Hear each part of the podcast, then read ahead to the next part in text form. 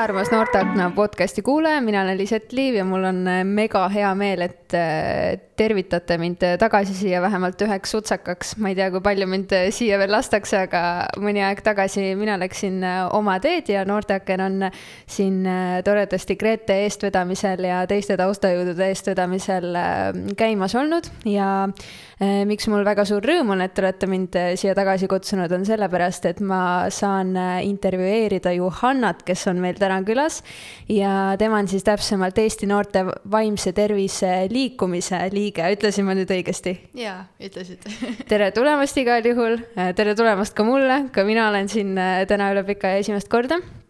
ja nagu ma enne siin kaadri taga ütlesin ka, siis äh, Äh, teemale kohaselt äh, räägime täna ärevusest, eks, et mina olen ka natukene ärevil täna või isegi äh, elevil, et vahepeal ma ajan need kaks tunnet isegi natukene segamini.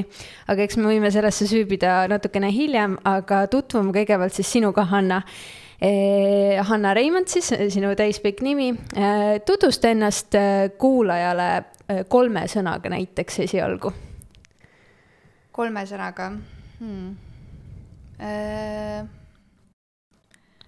see on palju raskem, kui ma oleks arvanud no ma ütleks äh, uudishimulik, noor ja avastaja. Väga ilusad sõnad, nüüd ma annan sulle täieliku loa neid ka rohkem avada, ära karda. Lava on sinu päralt, sa võid nüüd endast natukene lähemalt rääkida ka, et eh, millega sa igapäevaselt tegeled, kes, kes on Hanna? Mm? -hmm. ma just lõpetasin ülikooli, suvel nüüd lõpetasin psühholoogia alal. Ja nüüd hetkel nüüd hetkel läksin tööle sügisest, et olen kahel väiksemal tööotsal üks on äh, rohkem selline tekstidega tegelemine, teine on rehabilitatsioonitiimis, mõlemad siis vaimse tervisega seotud. Äh, sa ütlesid tekstidega tegelemine? jaa, sisutoimetaja. aa, okei okay,, väga huvitav, lahe. kas äh, see töö on selline ärevust rahustav ka, tekstidega toimetamine? ma tean, et on erinevat tüüpi inimesi, need, kes, keda just ajavad tekstide kirjutamised rohkem ärevil ja need, kes leiavad mingi rahu sealt no seal on nii, noh, üks on see, et ma alles alustasin selle tööga, et ma ei ole ise neid kõiki aspekte veel jõudnud välja uurida. ja no teine on see, et ma hetkel tegelen tõlkimisega ka, et see on õnneks selline üsna üks-ühele töö, kus ma ei pea väga, väga stressama ja mõtlema, et, et noh, selles mõttes ühest küljest ikka on jah, et äh, mul on konkreetne siht, mulle on antud materjal, mille ma pean ära tõlkima ja ja selles mõttes küll jah, et see mm -hmm. ei mhm. ole väga selline, kus ma pean äh, ajusid puurima ja mingeid lahendusi otsima mm. -hmm.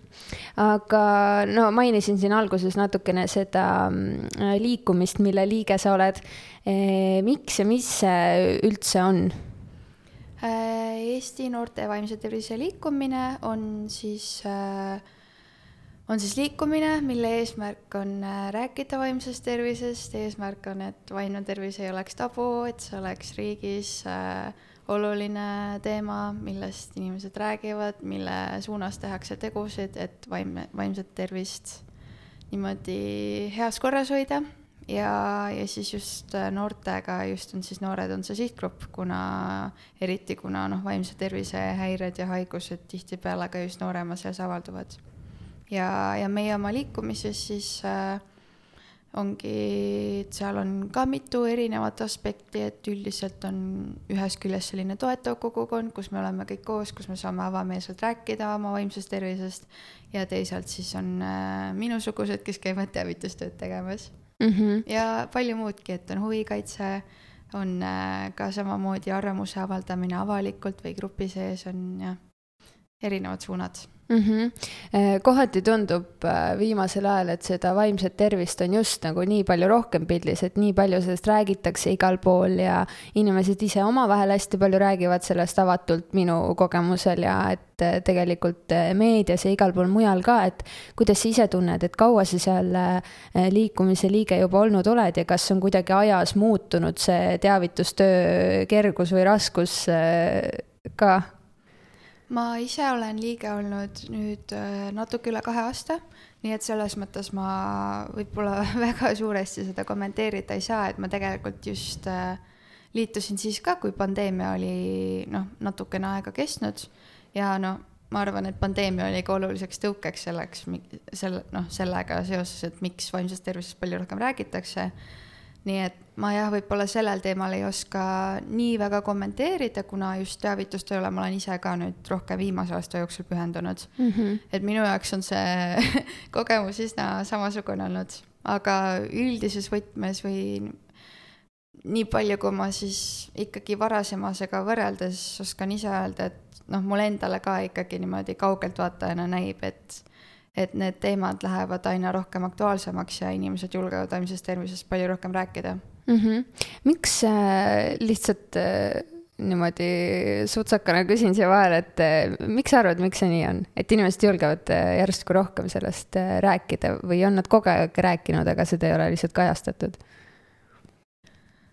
ma isegi, ma arvan, et suuresti on noh, ongi kasvõi juba psühholoogia teadusena on nii jõudsalt arenenud, igasugused äh, vaimse tervise häired, mis varem arvati, et on noh, nii-öelda välja mõeldud, on tegelikult nüüd leidnud ju neuroloogilist baasi sinna taha ja suuresti noh, üleüldse juba info levimisega, kõik sotsiaalmeediaga, et sõna levib nii kiiresti, inimesed mõistavad, et et äh, noh, inimesed väljendavad, et neil on paha olla vaimselt siis ja siis teine inimene, et ahaa, mul on ka, okei okay,, ma polegi ainuke ja nii see info on aina levinud ja noh, just seesama pandeemia jälle, et äh, ma arvan, et see on niimoodi järk-järgult läinud, et inimesed vaikselt avanevad ja teised märkavad, et, et nad ei ole üksi, kes niimoodi tunnevad mm. -hmm. see tundub täitsa täpne kirjeldus sellele, mis juhtunud on ja äh, ma tahan selle pandeemia osa juurde ka korraks äh, tagasi tulla, et uurida just äh,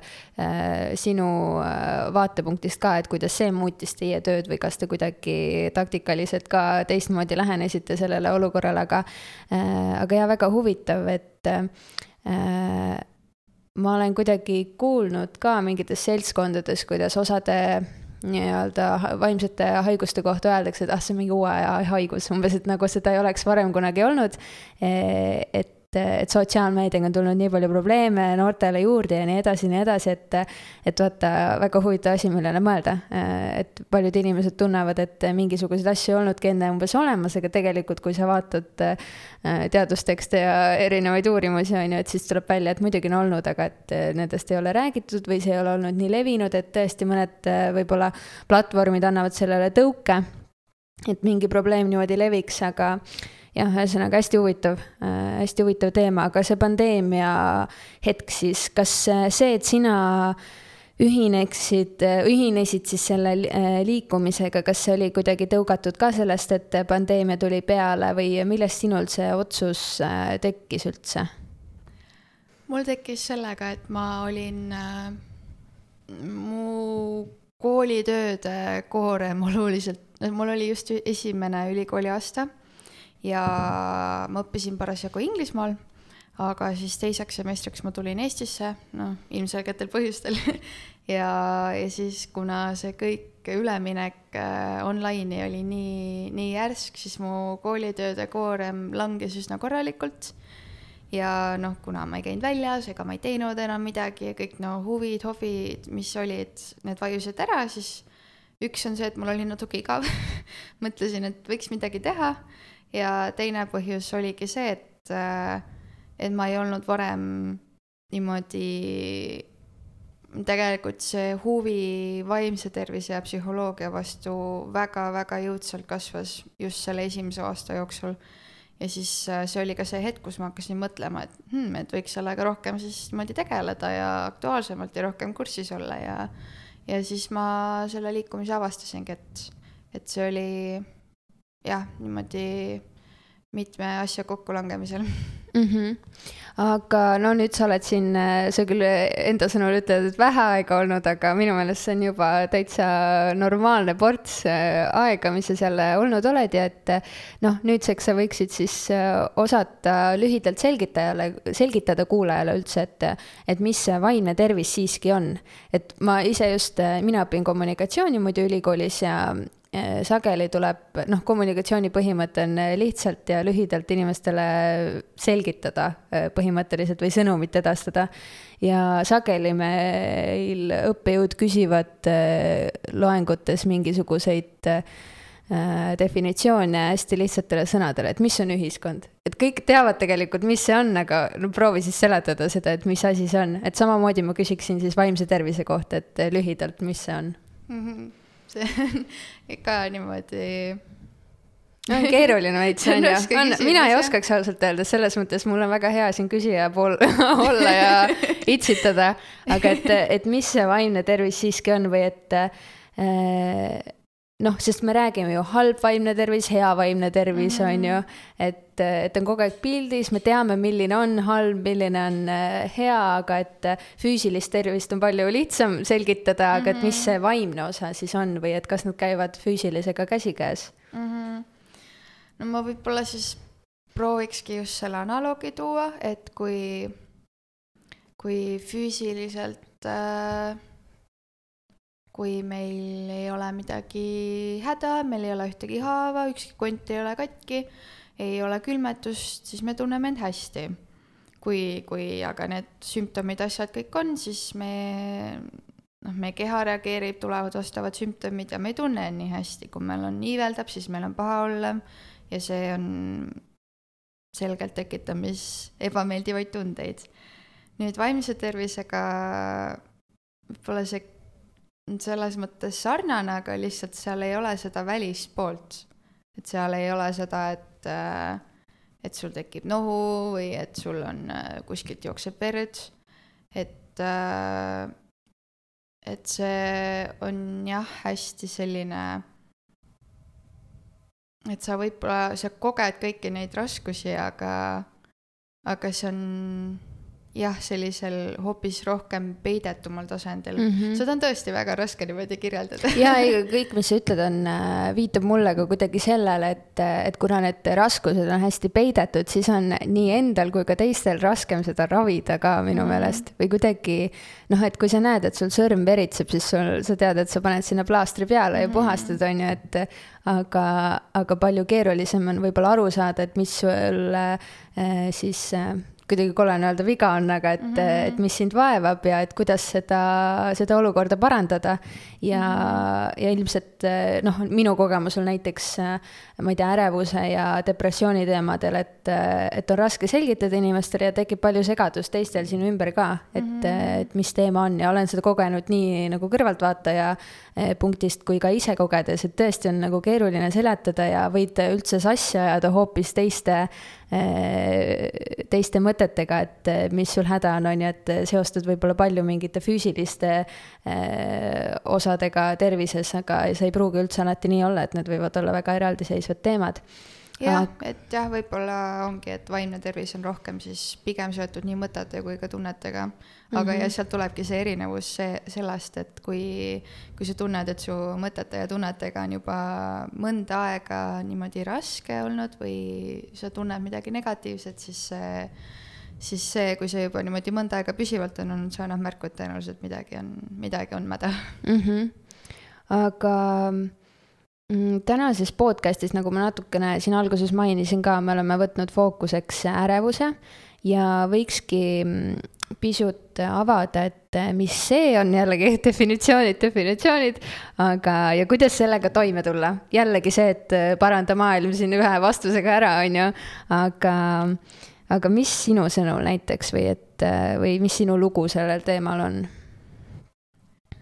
mu lugu on äh Äh, no kui võtta ärevuse perspektiivis, siis see äh, võib-olla kõige sellisel, ma ütleks, et ta juba ikkagi kuskil gümnaasiumiajas hakkas niimoodi rohkem väljenduma, aga niimoodi väga selgeks, selgena see ikkagi tuligi välja mul ülikoolis, äh, samamoodi ülikooli esimesel aastal, kus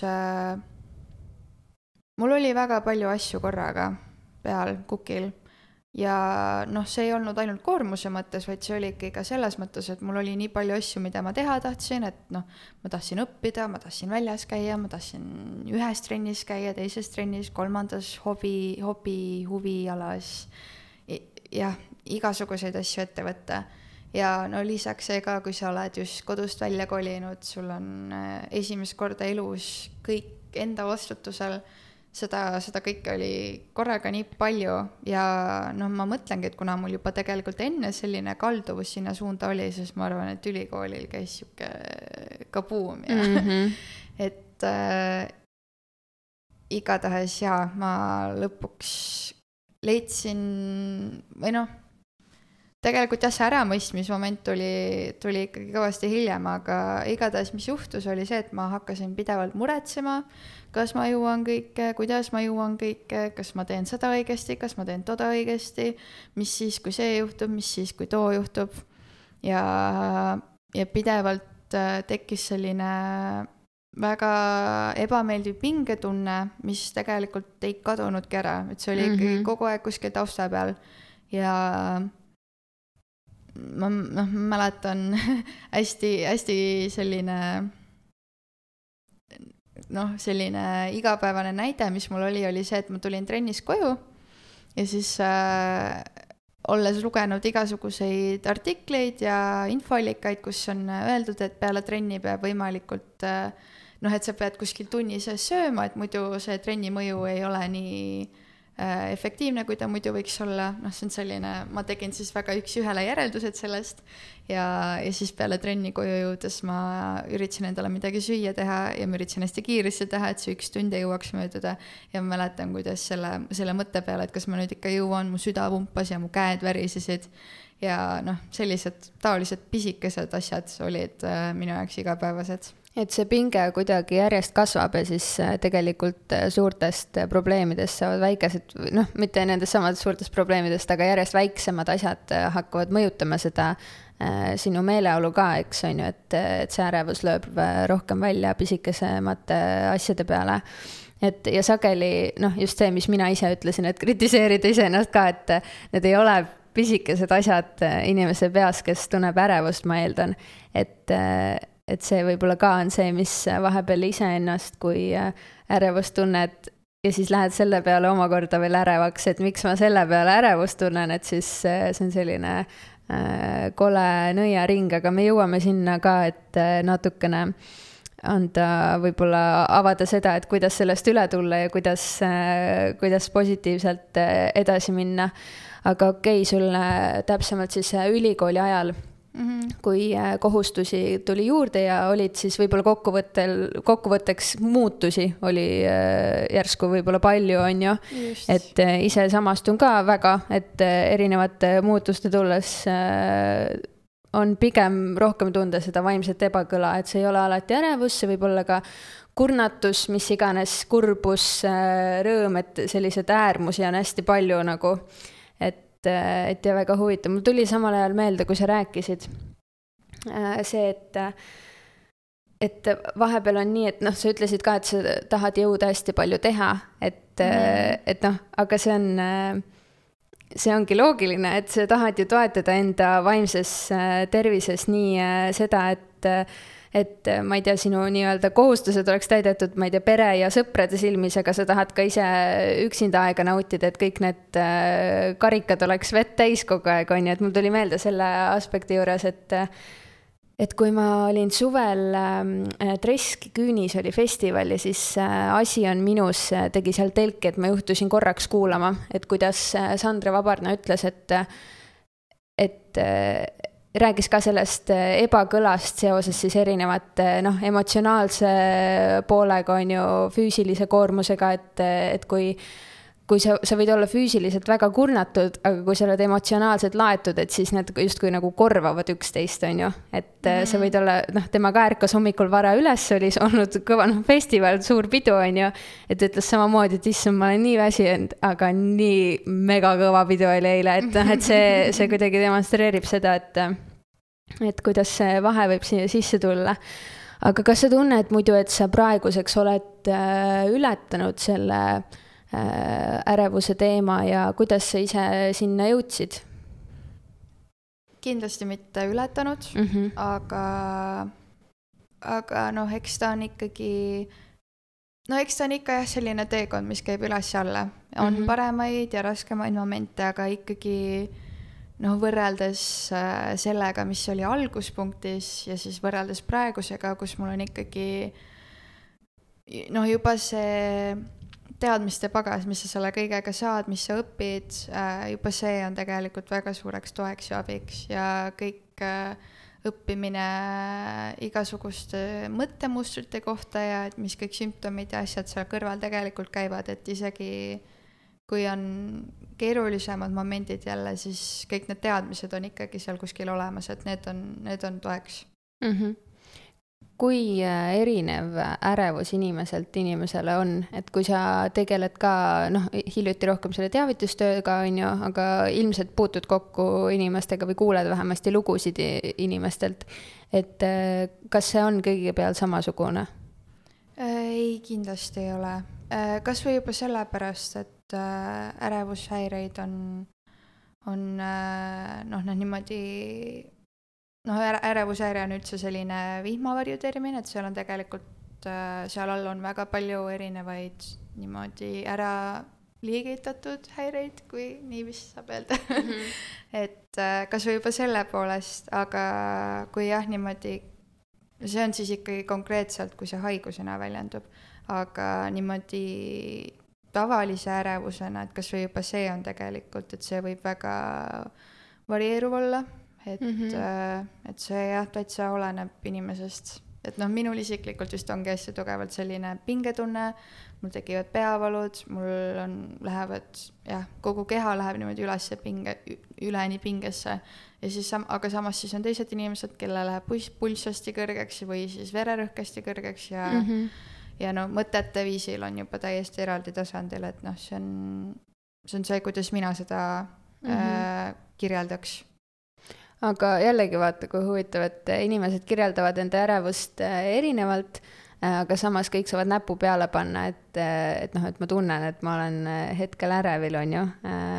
küll aga Instagramis me küsisime ka noortelt, et nad esitaksid küsimusi, et üks neist uuris ka selle vahe kohta, mis siis ärevusel ja ärevushäirel päriselt on, aga enne ma korraks tahaksin küsida sinult, et, et millised on, noh, et võtta korraks kokku, et me oleme küll siin rääkinud, aga et võtta kokku, et et millised on need esimesed sammud ja nipid, mida ise saaks teha, et kui on mõni noor, kes kuulab podcast'i äh, ja, ja tunneb ka vahel liigset ärevust, et siis mis ta saaks kohe ette võtta mm? -hmm.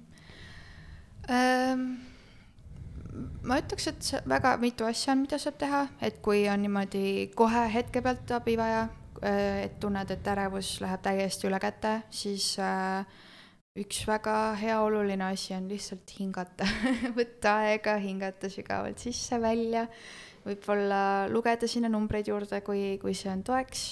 Äh, teine selline huvitav meetod, millest ma olen kuulnud ja isegi ise paar korda katsetanud, on ka siis, kui ärevus on väga-väga tugevalt, on see, et sa lased omale kaussi jääkülma vett ja siis lähed peaga sinna sisse, et justkui sukeldud.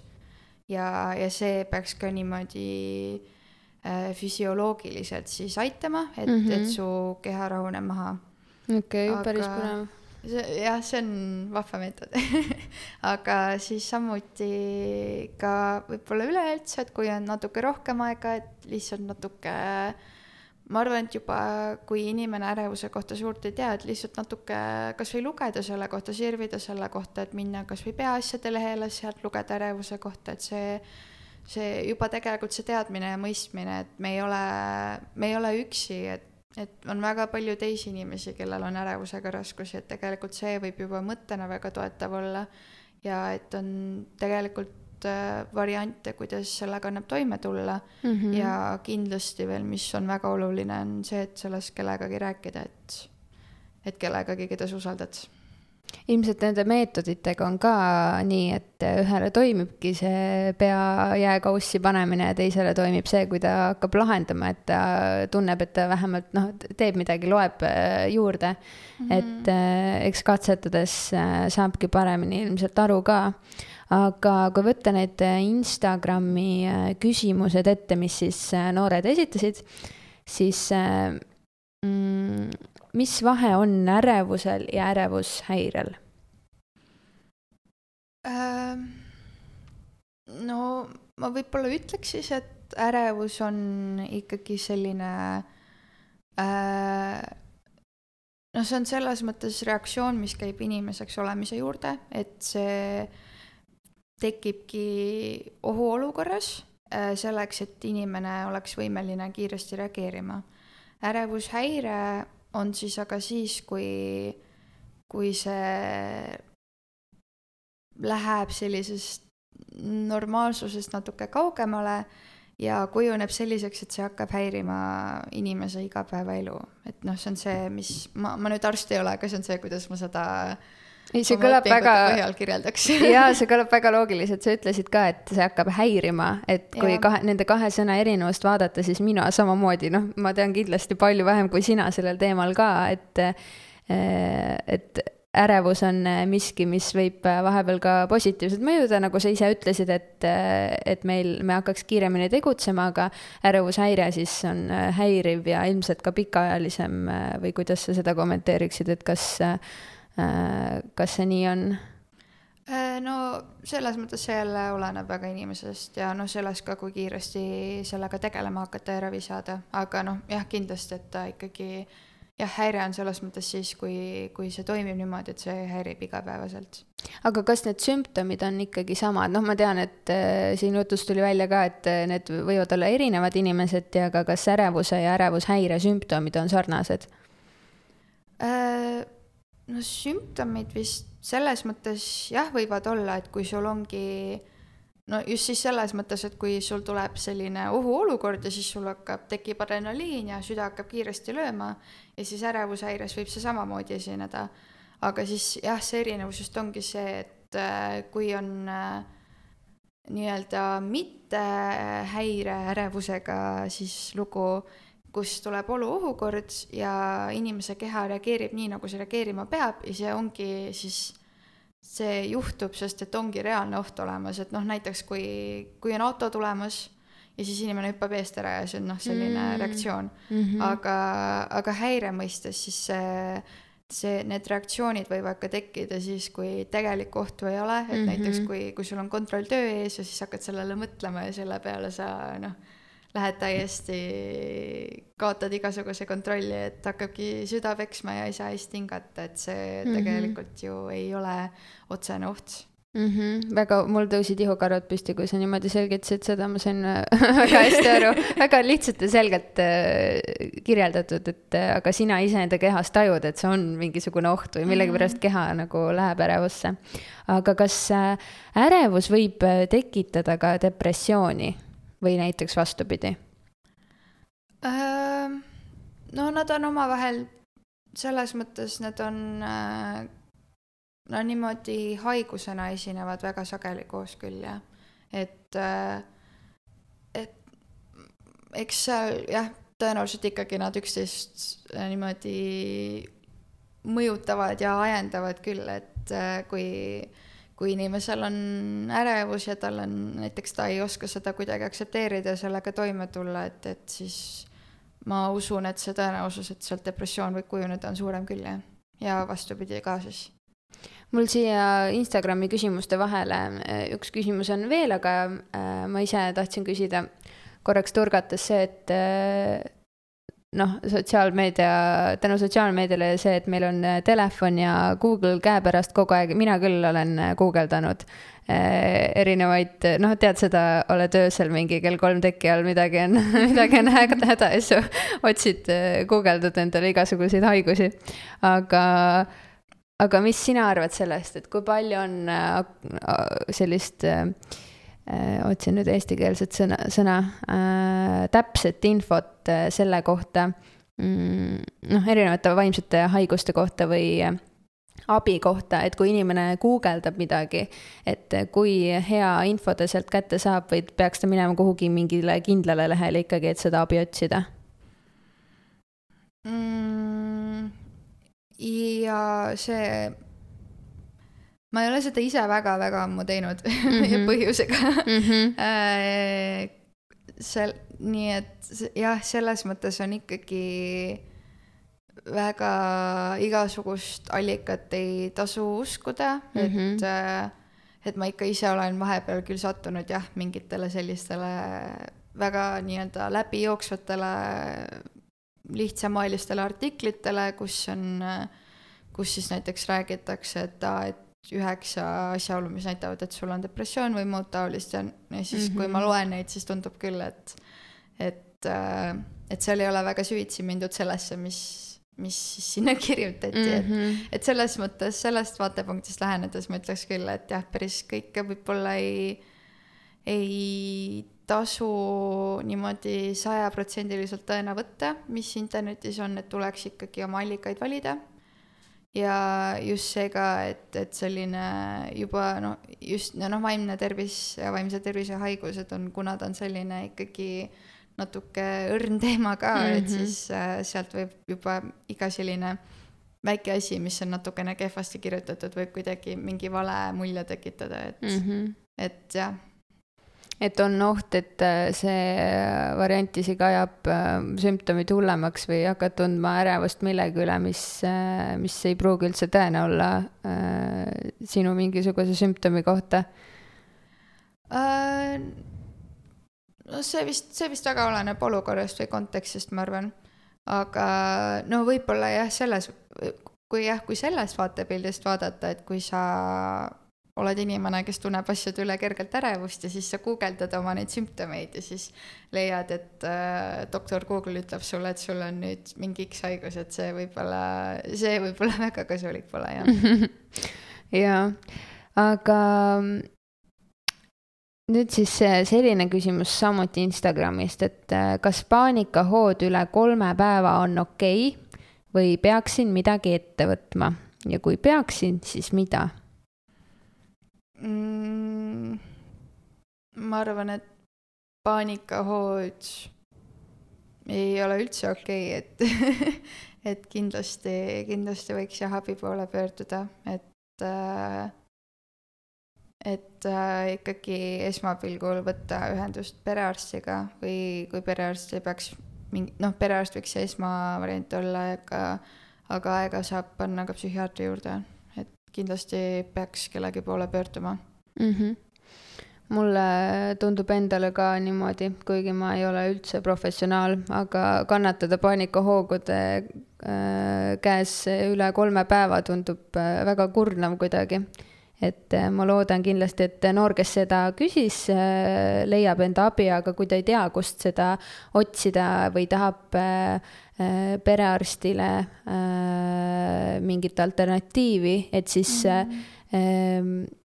või noh, üleüldse, kui keegi lisaks ka tunneb, et tal ei ole kõik okei okay., et kust mm -hmm. ja kuhu ja kelle poole pöörduda?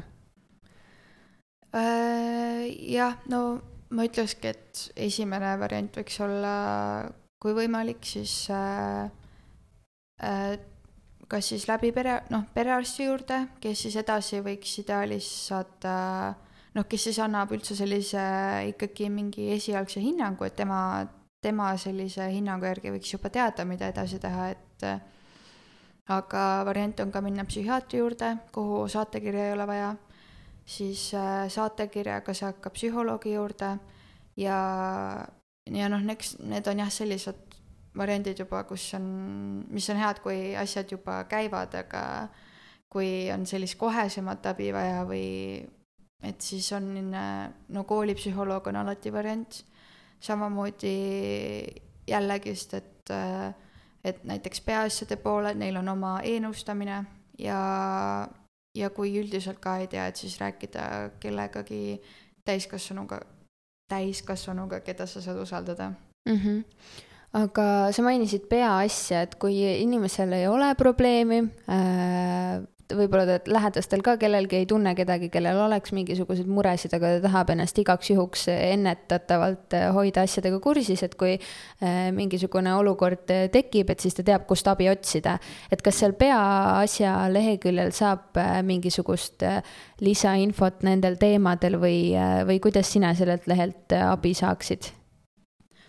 Neil on üleüldse väga informatiivne leht, et seal on noh, kõiksuguste äh, nii häirete kui ka lihtsalt keerukamate aegade kohta väga rohkelt informatsiooni, et äh, et noh, alati annab nendega otse kontakteeruda ka, aga ma arvan, et äh, kui, kui juba, et kui on juba liht-, mingi lihtsam küsimus, et siis tegelikult sealt lugedes on vägagi võimalik, et leida mingit huvitavat informatsiooni ja äh, üks äh, küsimus mul oli siin lisaks ka, kes läheb natukene kokku sellega, millest me juba rääkisime, guugeldamisega, et kust otsida ise infot ja abi, et äh, pigem pöörduda ikkagi spetsialisti poole, kes saab selle valeinfo sealt kohe ära sorteerida ja minna otse siis päris olukorra juurde aga mingisugune mõte, aeg on nagu lennanud megalt, äh, vahepeal tekkis nii palju lisaküsimusi ka, aga no eks kõik, mis meelde tulid, äh, küsisin ära. aga mingisugune mõte, mille noortele edaspidiseks kaasa annaksid või kui on mingi teema, mille juurde sa tahaksid korraks tagasi tulla, tunned, et on väga oluline, et siis, äh, siis lase käia, aga et mingi mõte noortele võib-olla see, et äh et noh, noorus oleneb vanusest, aga see on väga selline, minu jaoks isiklikult see oli päris õudne iga. Ja ma tundsin end väga üksi ja tegelikult nüüd täiskasvanuna tagantjärgi vaadates ma mõistan, et väga palju need asjad, mida ma võisin tunda ja kogeda, et ma ei, nagu noh, me ka enne rääkisime, et ma tegelikult ei olnud sugugi ainus, et, et väga paljud inimesed kogevad kahjuks või, või siis õnneks, oleneb olukorrast igasuguseid keerulisi olukordi ja, ja ma tahaksingi öelda, et, et kes iganes sa kuulad, sa oled oluline, sa oled väärtuslik ja kui sul, kui sa ei tunne ennast hästi, siis kindlasti, kindlasti otsi abi, et kas siis mõnelt täiskasvanult, keda sa usaldad või, või arstilt või, või kelleltki teiselt, kes iganes pähe tuleb et me oleme kõik väärt abi ja hoolt ja armastust väga-väga ilusad mõtted siia, siia ka, et eh, Hanna, muidu, kas sa ise, sa küll ütlesid, et sa ei ole täielikult nüüd ületanud neid eh, muresid, aga kas sa enda teekonnal juba saad öelda, et asjad lähevad paremaks, eh, kui nad olid, kui nendega tegeleda? jah, absoluutselt jaa, et äh, ma olen õnneks äh, algusest peale või noh, siis ülikooli aegadest peale professionaalset abi saanud ja ma ütleks küll, et see on mind igatpidi, mulle väga palju andnud.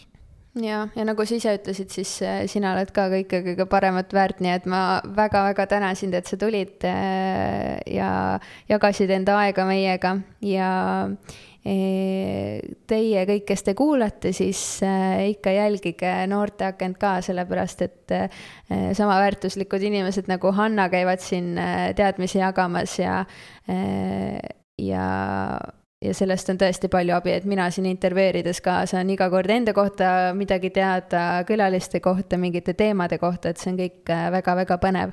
ja kindlasti, kui te äh, like ite seda videot, siis see aitab ka teistel nende teemadeni jõuda ja eriti, kui te kommenteerite või jagate enda lugu äh,, leiate võib-olla mõttekaaslasi ka äh,, kellega kellega siis juttu vesta, vot. aga mina olen Elisett Liiv, Anna Reimand oli meil külas ja tänan kuulamast.